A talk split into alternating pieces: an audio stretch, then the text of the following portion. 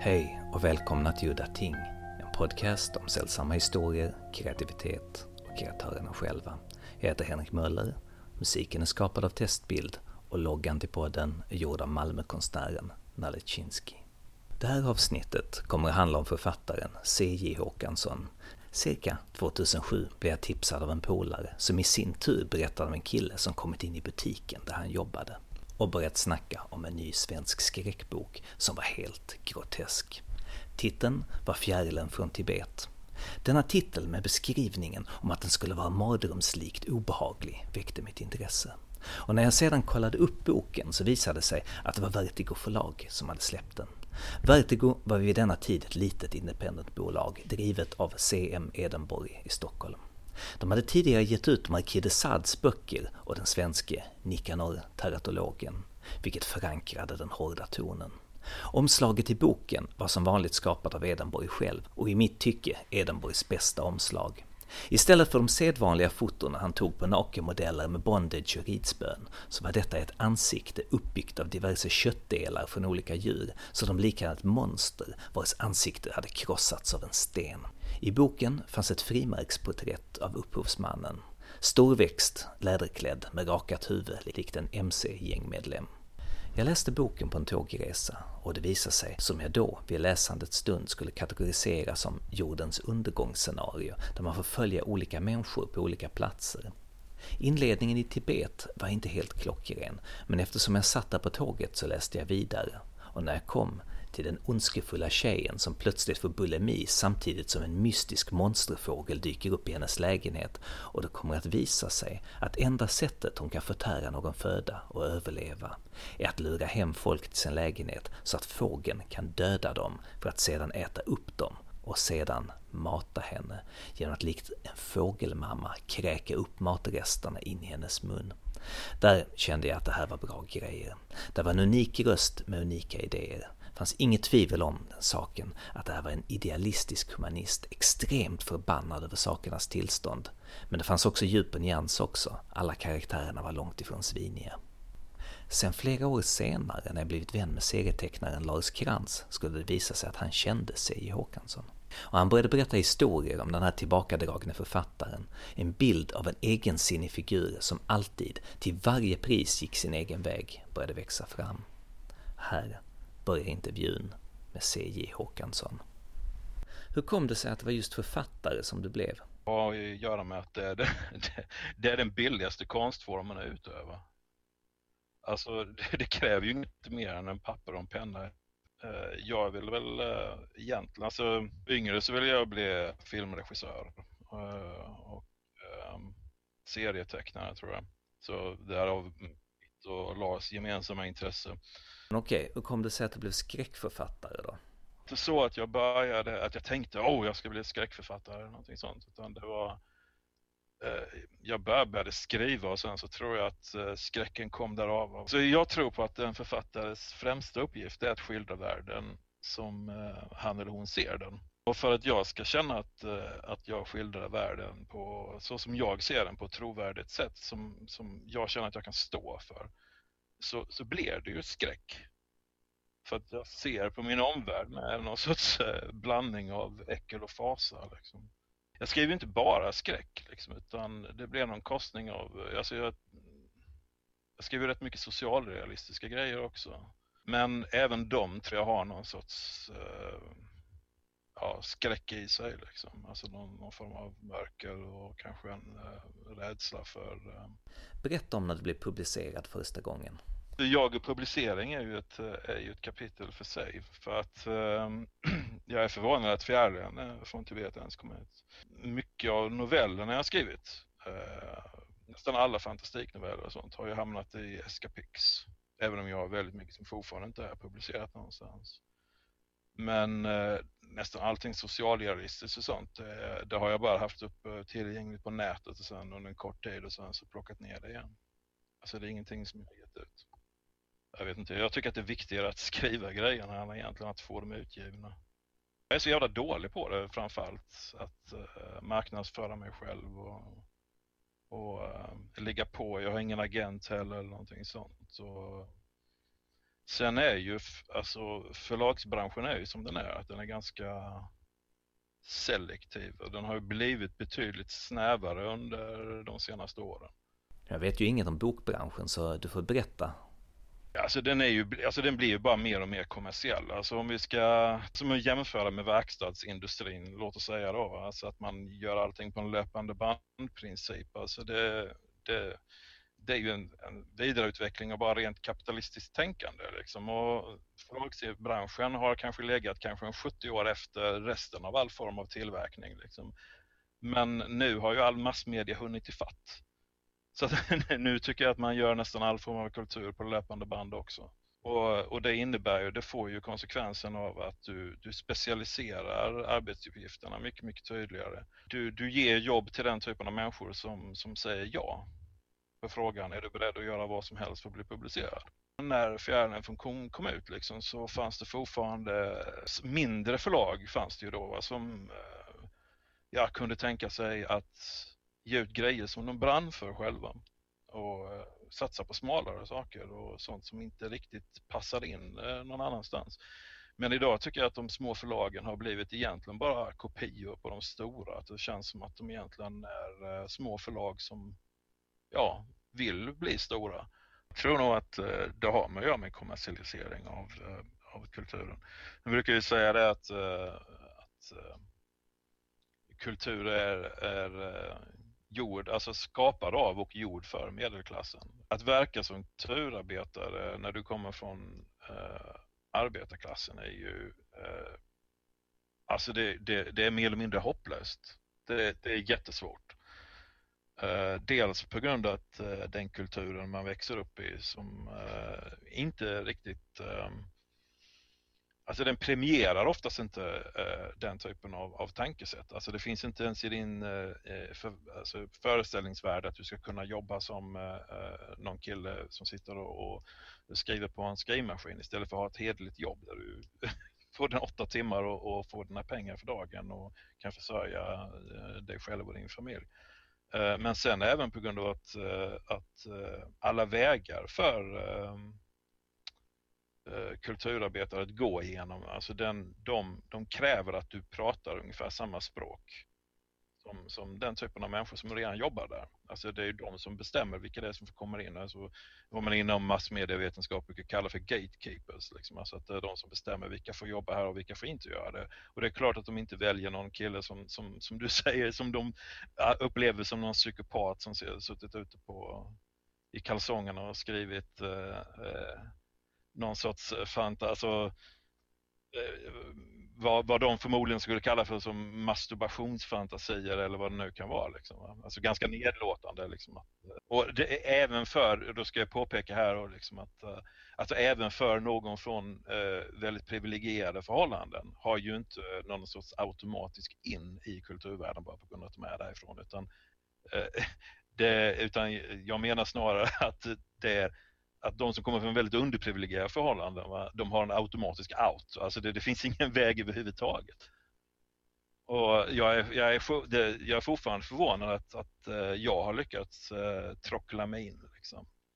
Så jag, jag, tror att det, det är lite som um, vi, vi, berörde tidigare, alltså att folk som sitter och, och är entusiaster liksom, och, och, och, jobbar på grund av att de har en väldig kärlek för mediet Eh, oavsett vilket media det nu är, om det är författare eller vad det nu kan vara. Alltså.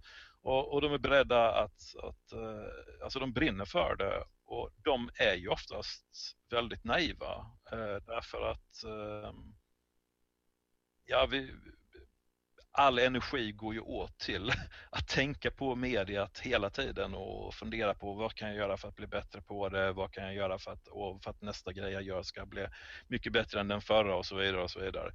Eh, så att de, de tänker inte ens på att de kan bli utnyttjade.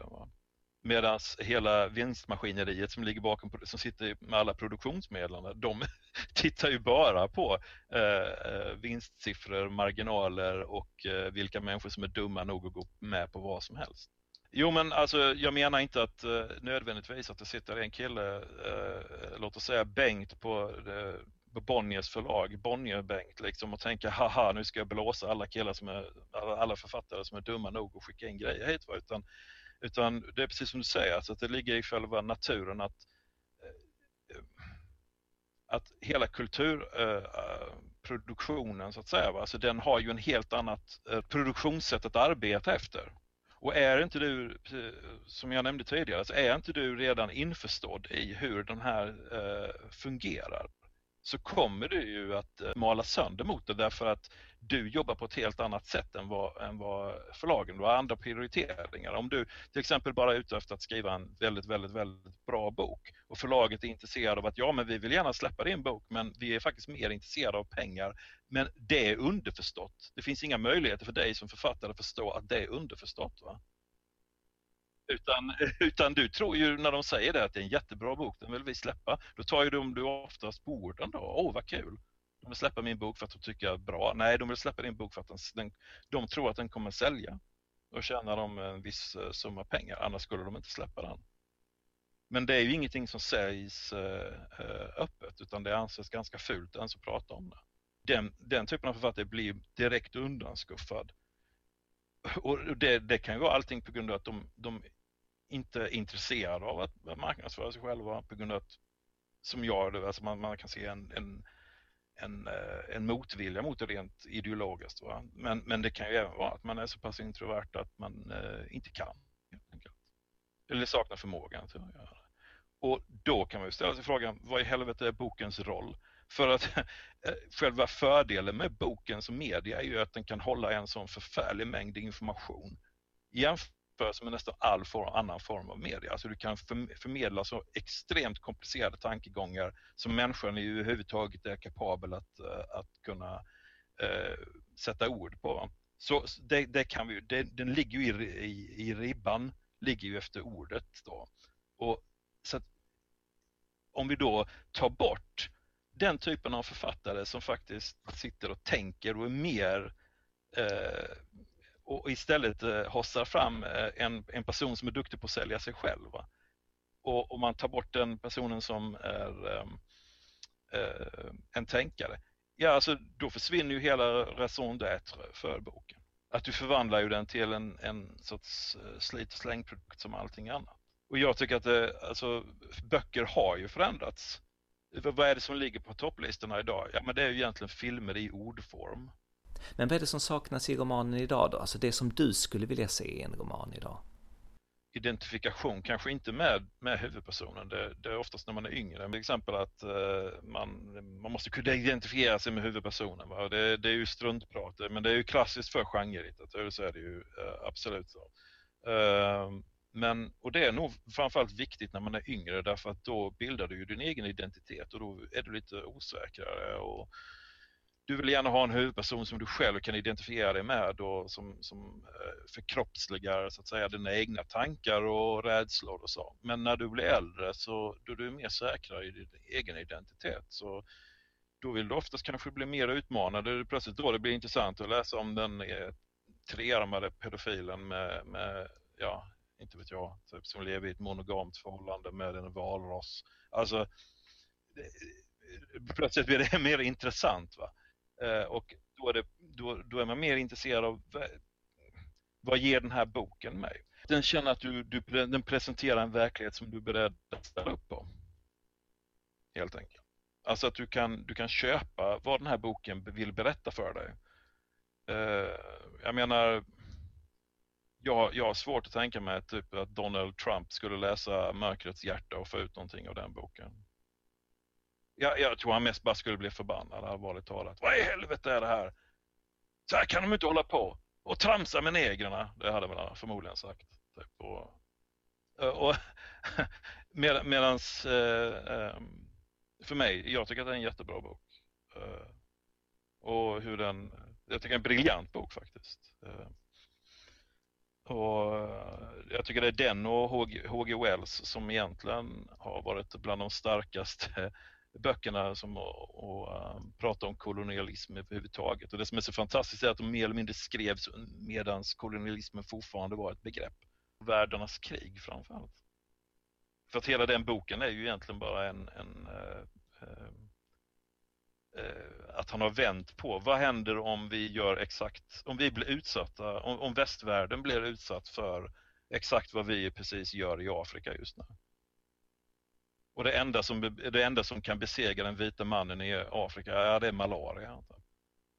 Och så kommer rymdvarelserna, just det, hösnuva eller vad det nu var de dog av. Typ. Alltså det, det är väldigt, det är ju det, ett av de bästa antiklimax i en bok någonsin. Liksom. Att, eh, ja, nej, det, ni hade inte en chans att besegra dem, de bara dog av eget, dog, dog av en ren slump.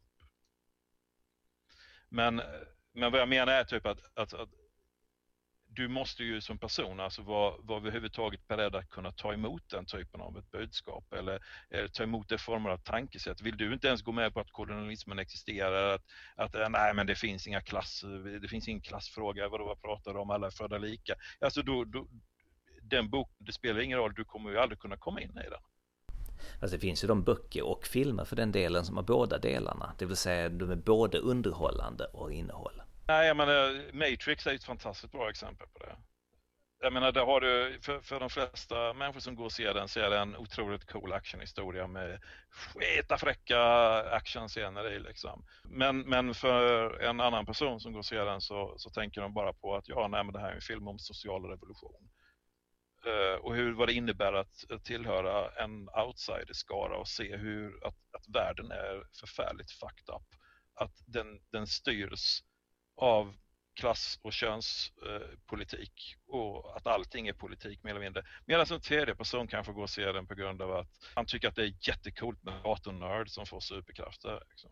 Men, men, alla tre av dem kommer ju få ut någonting av filmen. Jag är fulla beundran av eh, systrarna Warszawski som, som kan eh, åstadkomma en sådan eh, som i sin tur ja, bygg på, bygger på massa, alltså, den här Hitchcockianska huvudperson kan stupa eh, 30 minuter in i filmen i duschen liksom och sen så plötsligt börjar det handla om en helt annan människa och att du får en sorts en större helhetsupplevelse än delarna i sig självt. Eh, det är det som jag tycker personligen gör Inferno till en sån mäktig film, liksom att, eh, och en skrämmande film, att, att sambandet som vi ser är ju helt annat än vad karaktärerna upplever. De får ju inget samband överhuvudtaget för de är ju i alla, sina, alla situationerna fullständigt obegripliga för dem. Jag tror väl att det var väl lite det jag var ute efter. Sen så vill jag dessutom, alltså hela temat med fjärden är ju radikala förändringar på människokroppen och på och även på den, alltså på den samhälleliga sociala eh, kroppen. Och eh, jag kunde inte se hur jag skulle ens kunna närma mig det ämnet bara från en, en person. Liksom. Utan jag vill eh, eh titta på det ur ja, flera olika synvinklar. Alltså jag har oftast, när jag jobbar, så, så jobbar jag oftast väldigt intuitivt. Jag har oftast ingen eh, direkt eh, jag har inget synopsis eller någonting sånt från början utan jag bara gör research på ett ämne som som till exempel jag, jag har fattat tycke för, just, eller blivit insnöad på, eller besatt av vid just det tillfället. Och sen så eh, tar jag in all information jag kan komma över och sen så bara kräka ut den liksom på papper. Men du måste ju analysera din process i något skede för att veta vad du gjorde rätt eller fel längs vägen så du kan avancera och bli bättre. Grejen är det att jag kan inte på fullaste allvar säga vem jag är när jag sitter och skriver historierna. Jag kan inte heller riktigt säga vad historierna egentligen handlar om för att det, det förstod jag nog kanske bara just i den, det ögonblicket då jag gjorde dem. Alltså jag hamnar i en sorts skrivtrans eller vad man ska kalla det för, så att jag har ingen aning om vad jag håller på med när jag skriver dem. Utan det, och jag låter det vara osagt om det är vem jag är när jag faktiskt skriver om det. Är det så att jag, är en, eh, att jag faktiskt är mig själv, alltså att det är här i skapandets stund som jag känner att eh, det här är essensen av mig som människa liksom, som faktiskt skriver nu. Att det, eller är det så faktiskt att det är en helt annan identitet som jag inte, eh, som jag inte känner överhuvudtaget. Alltså, jag skulle nästan säga att när jag skriver är det nästan som att jag känner mig som en stenograf. Jag har bara så här vaga aningar om, om vad det handlar om. Jag, jag tycker att Fjärilen från Tibet handlar till exempel om ja, men som jag sa innan, alltså radikala förändringar. Liksom. Alltså, ifall, vi nu ska ta med, ifall det nu ska bli någon skillnad på, på människan liksom, så, är, så måste vi förändra den i grund och botten. Alltså, vi, vi måste eh, genomföra en sån radikal förändring på samhällstillståndet liksom, att, eh, att vi mer eller mindre raderade. Och då kan man ju ställa sig frågan, alltså som ja, huvudpersonen Martin också till slut gör, alltså om vi nu raderar alltihopa, vad finns det då kvar?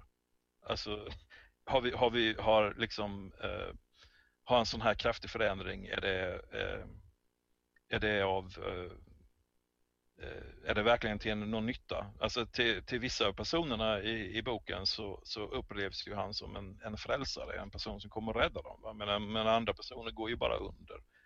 Och då blir det ju någon sorts eh, konstigt resonemang i att ja, men, in order to save the village we had to destroy it. Typ det klassiska Vietnam-citatet. Så då finns det inget sätt som du kan analysera din process och ditt skapande? Det är ju egentligen, alltså problemet är ju att det är ju egentligen inte mitt jobb att fundera på vad det är jag gör utan det är ju faktiskt eh, läsaren och, och eh, recensenten eller vad det nu kan vara liksom, som försöker definiera det jag gör. För att, alltså det, att, att definiera det jag gör är ju egentligen att marknads, det är ett marknadsföringsproblem egentligen. Men då kan du ju hålla med om att det här riktigt produktiva skapandet hos konstnärer som inte har det som inkomstkälla, att det liksom beror på någon sorts flykt från verklighetens helvete.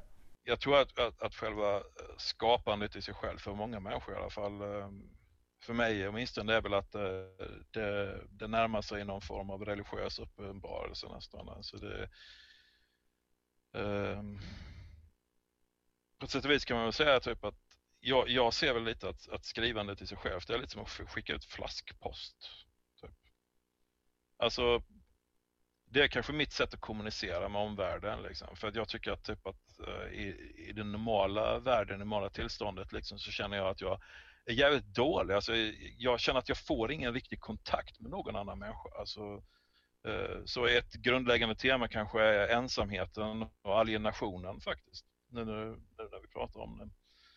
Eh, och ett sätt för mig liksom att, att, kommunicera med omvärlden är ju egentligen att skriva ner mina tankar och sen slänga ut dem och, och hoppas att, att de kommer till någon som kanske uh, ja, får ut någonting av dem på samma sätt som jag har fått ut någonting av dem som jag själv har snappat upp alla de här böckerna liksom och, och fått känna, åh fantastiskt, äntligen är det någon som tycker som jag eller som har känt som jag eller som har upplevt någonting på ett liknande sätt.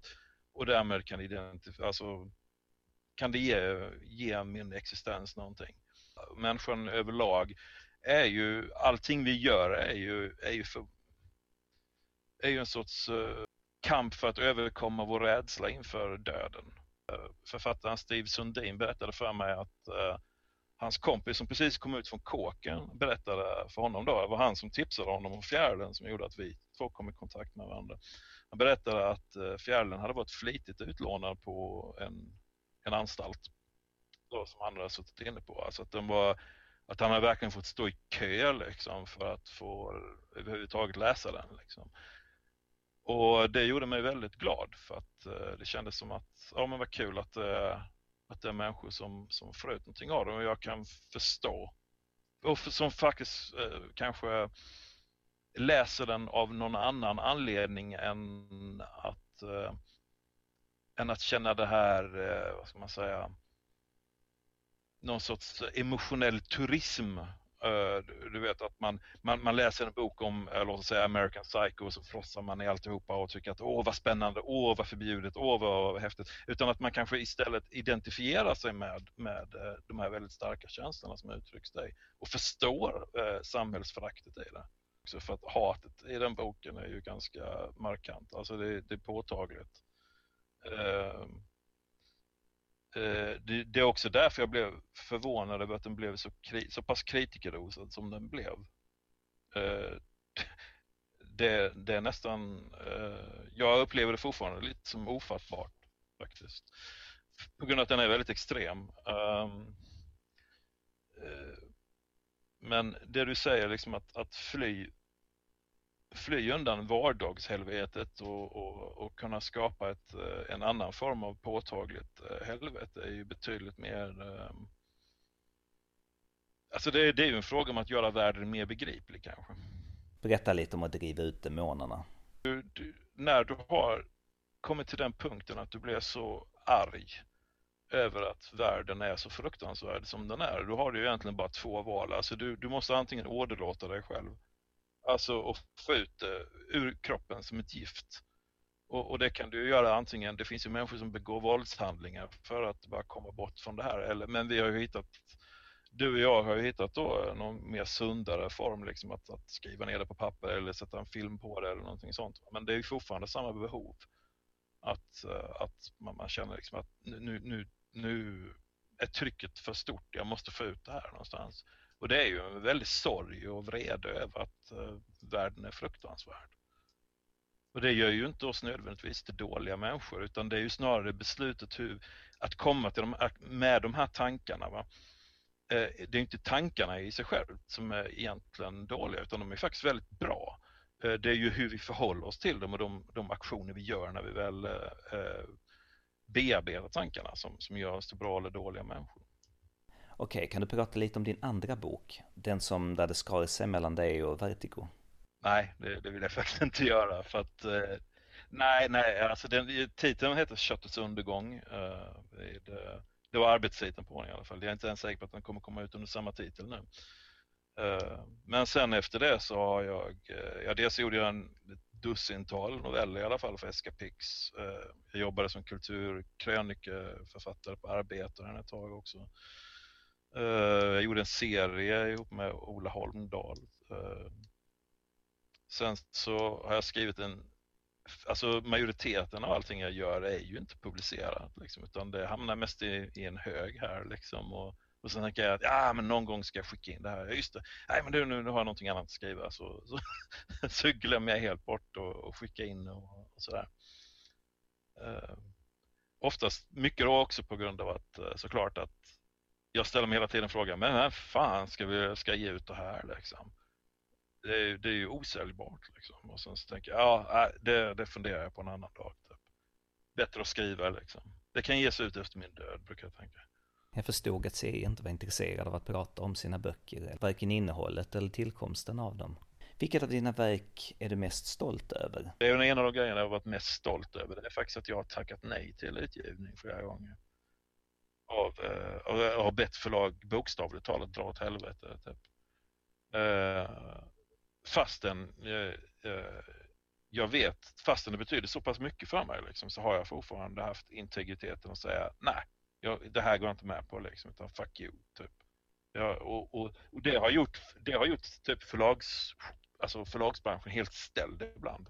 Alltså de, de verkligen har blivit så att de bara stirrar på mig som att jag, vore, att jag är helt galen. Du vet, liksom. Första gången som jag var i kontakt med Vertigo så, så hade han ju eh, eh sådana groteska idéer på vad, jag skulle, vad han ville göra med manuset och, och, och sådär liksom. Så sa jag nej men det går jag inte med på. Tack ska du ha för eh, att du åtminstone hörde av dig tillbaka till mig. Och han bara blev helt, va? Så här, menar du att du inte, ja nej men ja, ja, tack så mycket. Det var, jag är inte intresserad av att göra ett samarbete. Då, typ. Och då blev han ju så pass ställd alltså, så att jaha, okej. Okay. Och sen så hörde, sen så började jag skicka runt dem på andra ställen och, och, och sen någon månad senare så, så bara, hej, det, det är jag igen. Alltså jag kan inte sluta tänka på din bok. Alltså, jag måste ge ut den. Så här, um, så här, är du säker på att du inte vill bli utgiven? Alltså under de, för, för, alltså under de formerna som du ville skriva om den så, så, jag då, så inga, finns det inga som helst eh, eh möjligheter att det skulle ske. Så jag då, och då, då bara, alltså, jag, jag, jag skojade ju bara när jag sa det där. Typ. Jag bara, ja, det gjorde du säkert. Typ. Och eh, ja, nej, så eh, och han blev ju lika ställd med när eh, vi höll på med köttets undergång. Liksom, då, eh, när jag inte ville göra så som han sa när jag sa att nej men jag tycker att det här är en förfärligt dålig idé, för han hade ju förfärligt dåliga idéer. Eh, han, en sämre redaktör har jag aldrig kommit i kontakt med. Uh, men då så, så, så, sa han till mig att uh, ja, nej, men gör inte du som jag säger så raderar jag. Så, så blev det ingen bok och sen raderar jag dig ur förlagshistoriken. Typ. Vad betyder det? Ja, det betyder ju typ att han skulle eh, att han tar bort fjärilen från Tibet ur sortimentet och att han skulle bränna alla exen, sa han, som de hade kvar och sen så skulle han eh, radera mig ur historiken så att det, det, såg ut som att boken aldrig hade blivit utgiven så att jag inte skulle kunna säga att jag har blivit utgiven av Vertigo förlag. Det, alltså det är ju ett ganska anmärkningsvärt hot att komma med. Och varpå jag svarar, ja om du nu tänker, om du nu känner att du har, om du nu känner att du vill göra det så får du väl göra det då, så jag. Och då, då, då så bara, ja nej nej, alltså eh, nu var jag nog lite väl häftig av mig så här bara, nej var du det? Och det är ju inte bara jag som har blivit, eh, att han har försökt sådana grejer med liksom. Eh, men jag är nog en av de få som har bara sagt det, fuck you, okej okay, gör det då typ. För att eh, för, för mig har det gått till den punkten att, att, att skriva liksom så som jag vill att det ska vara betyder så pass mycket för mig att jag kan inte tänka mig att göra det på ett sätt som att det inte är jag, att det blir så som jag vill ha det och då säger jag hellre nej. Då är det typ, nej men då, då skiter vi i det. Jag är hellre outgiven och, eh, och skriver det så som jag vill ha det än att bli utgiven och att det blir för mycket kompromisser. Och, alltså, det är inte så att jag är omottaglig för kritik eller någonting sånt. Alltså, jag hade ett jättebra samarbete med min första redaktör under fjärde Då, liksom. hon var, vi förstod varandra precis liksom, och henne lyssnade jag på liksom, för att hon hade väldigt vettiga åsikter och, och tankar och sådär. Liksom. Och, och, när hon hade en bra idé liksom, att ja, men här kanske du skulle korta en text eller det här kanske är redundant eller ja, Ja men då, då lyssnade jag för att hon hade ju eh, riktiga argument för det hon sa och tyckte jag att eh, höll jag med henne så gjorde jag ju så som hon sa. Höll jag inte med henne så gjorde vi, gjorde vi inte så. Liksom. Eh, och det är ju så ett samarbete fungerar. Liksom. Men, men när man har med fullkomliga jubelidioter att göra då, då låter jag hellre bli. Liksom. Det går ju inte. Men, men mm, vad jag har förstått det som så de flesta författare saknar ju den, eh, alltså de är så kåta på att bli, precis som du sa innan, de är så kåta på att bli att lyckas inom sin eh, kulturform, att de är beredda att göra precis vad som helst. Och det är ju jättetragiskt egentligen. För det, då blir det ju skit. Typ. Den första upptryckningen av Fjärilen från Tibet tog slut ganska snabbt och när jag nu i anslutning till det här avsnittet kollade på Verticos hemsida igen så såg jag att den fortfarande var slut. Så min uppmaning till er är att gå in på Vertigos hemsida och säga att ni vill köpa den här boken och kanske kommer det bli en ny upptryckning av boken. För det här är en klassiker som förtjänar att leva kvar. Och med de här orden var det slut för den här gången. Jag heter Henrik Möller och musiken är skapad av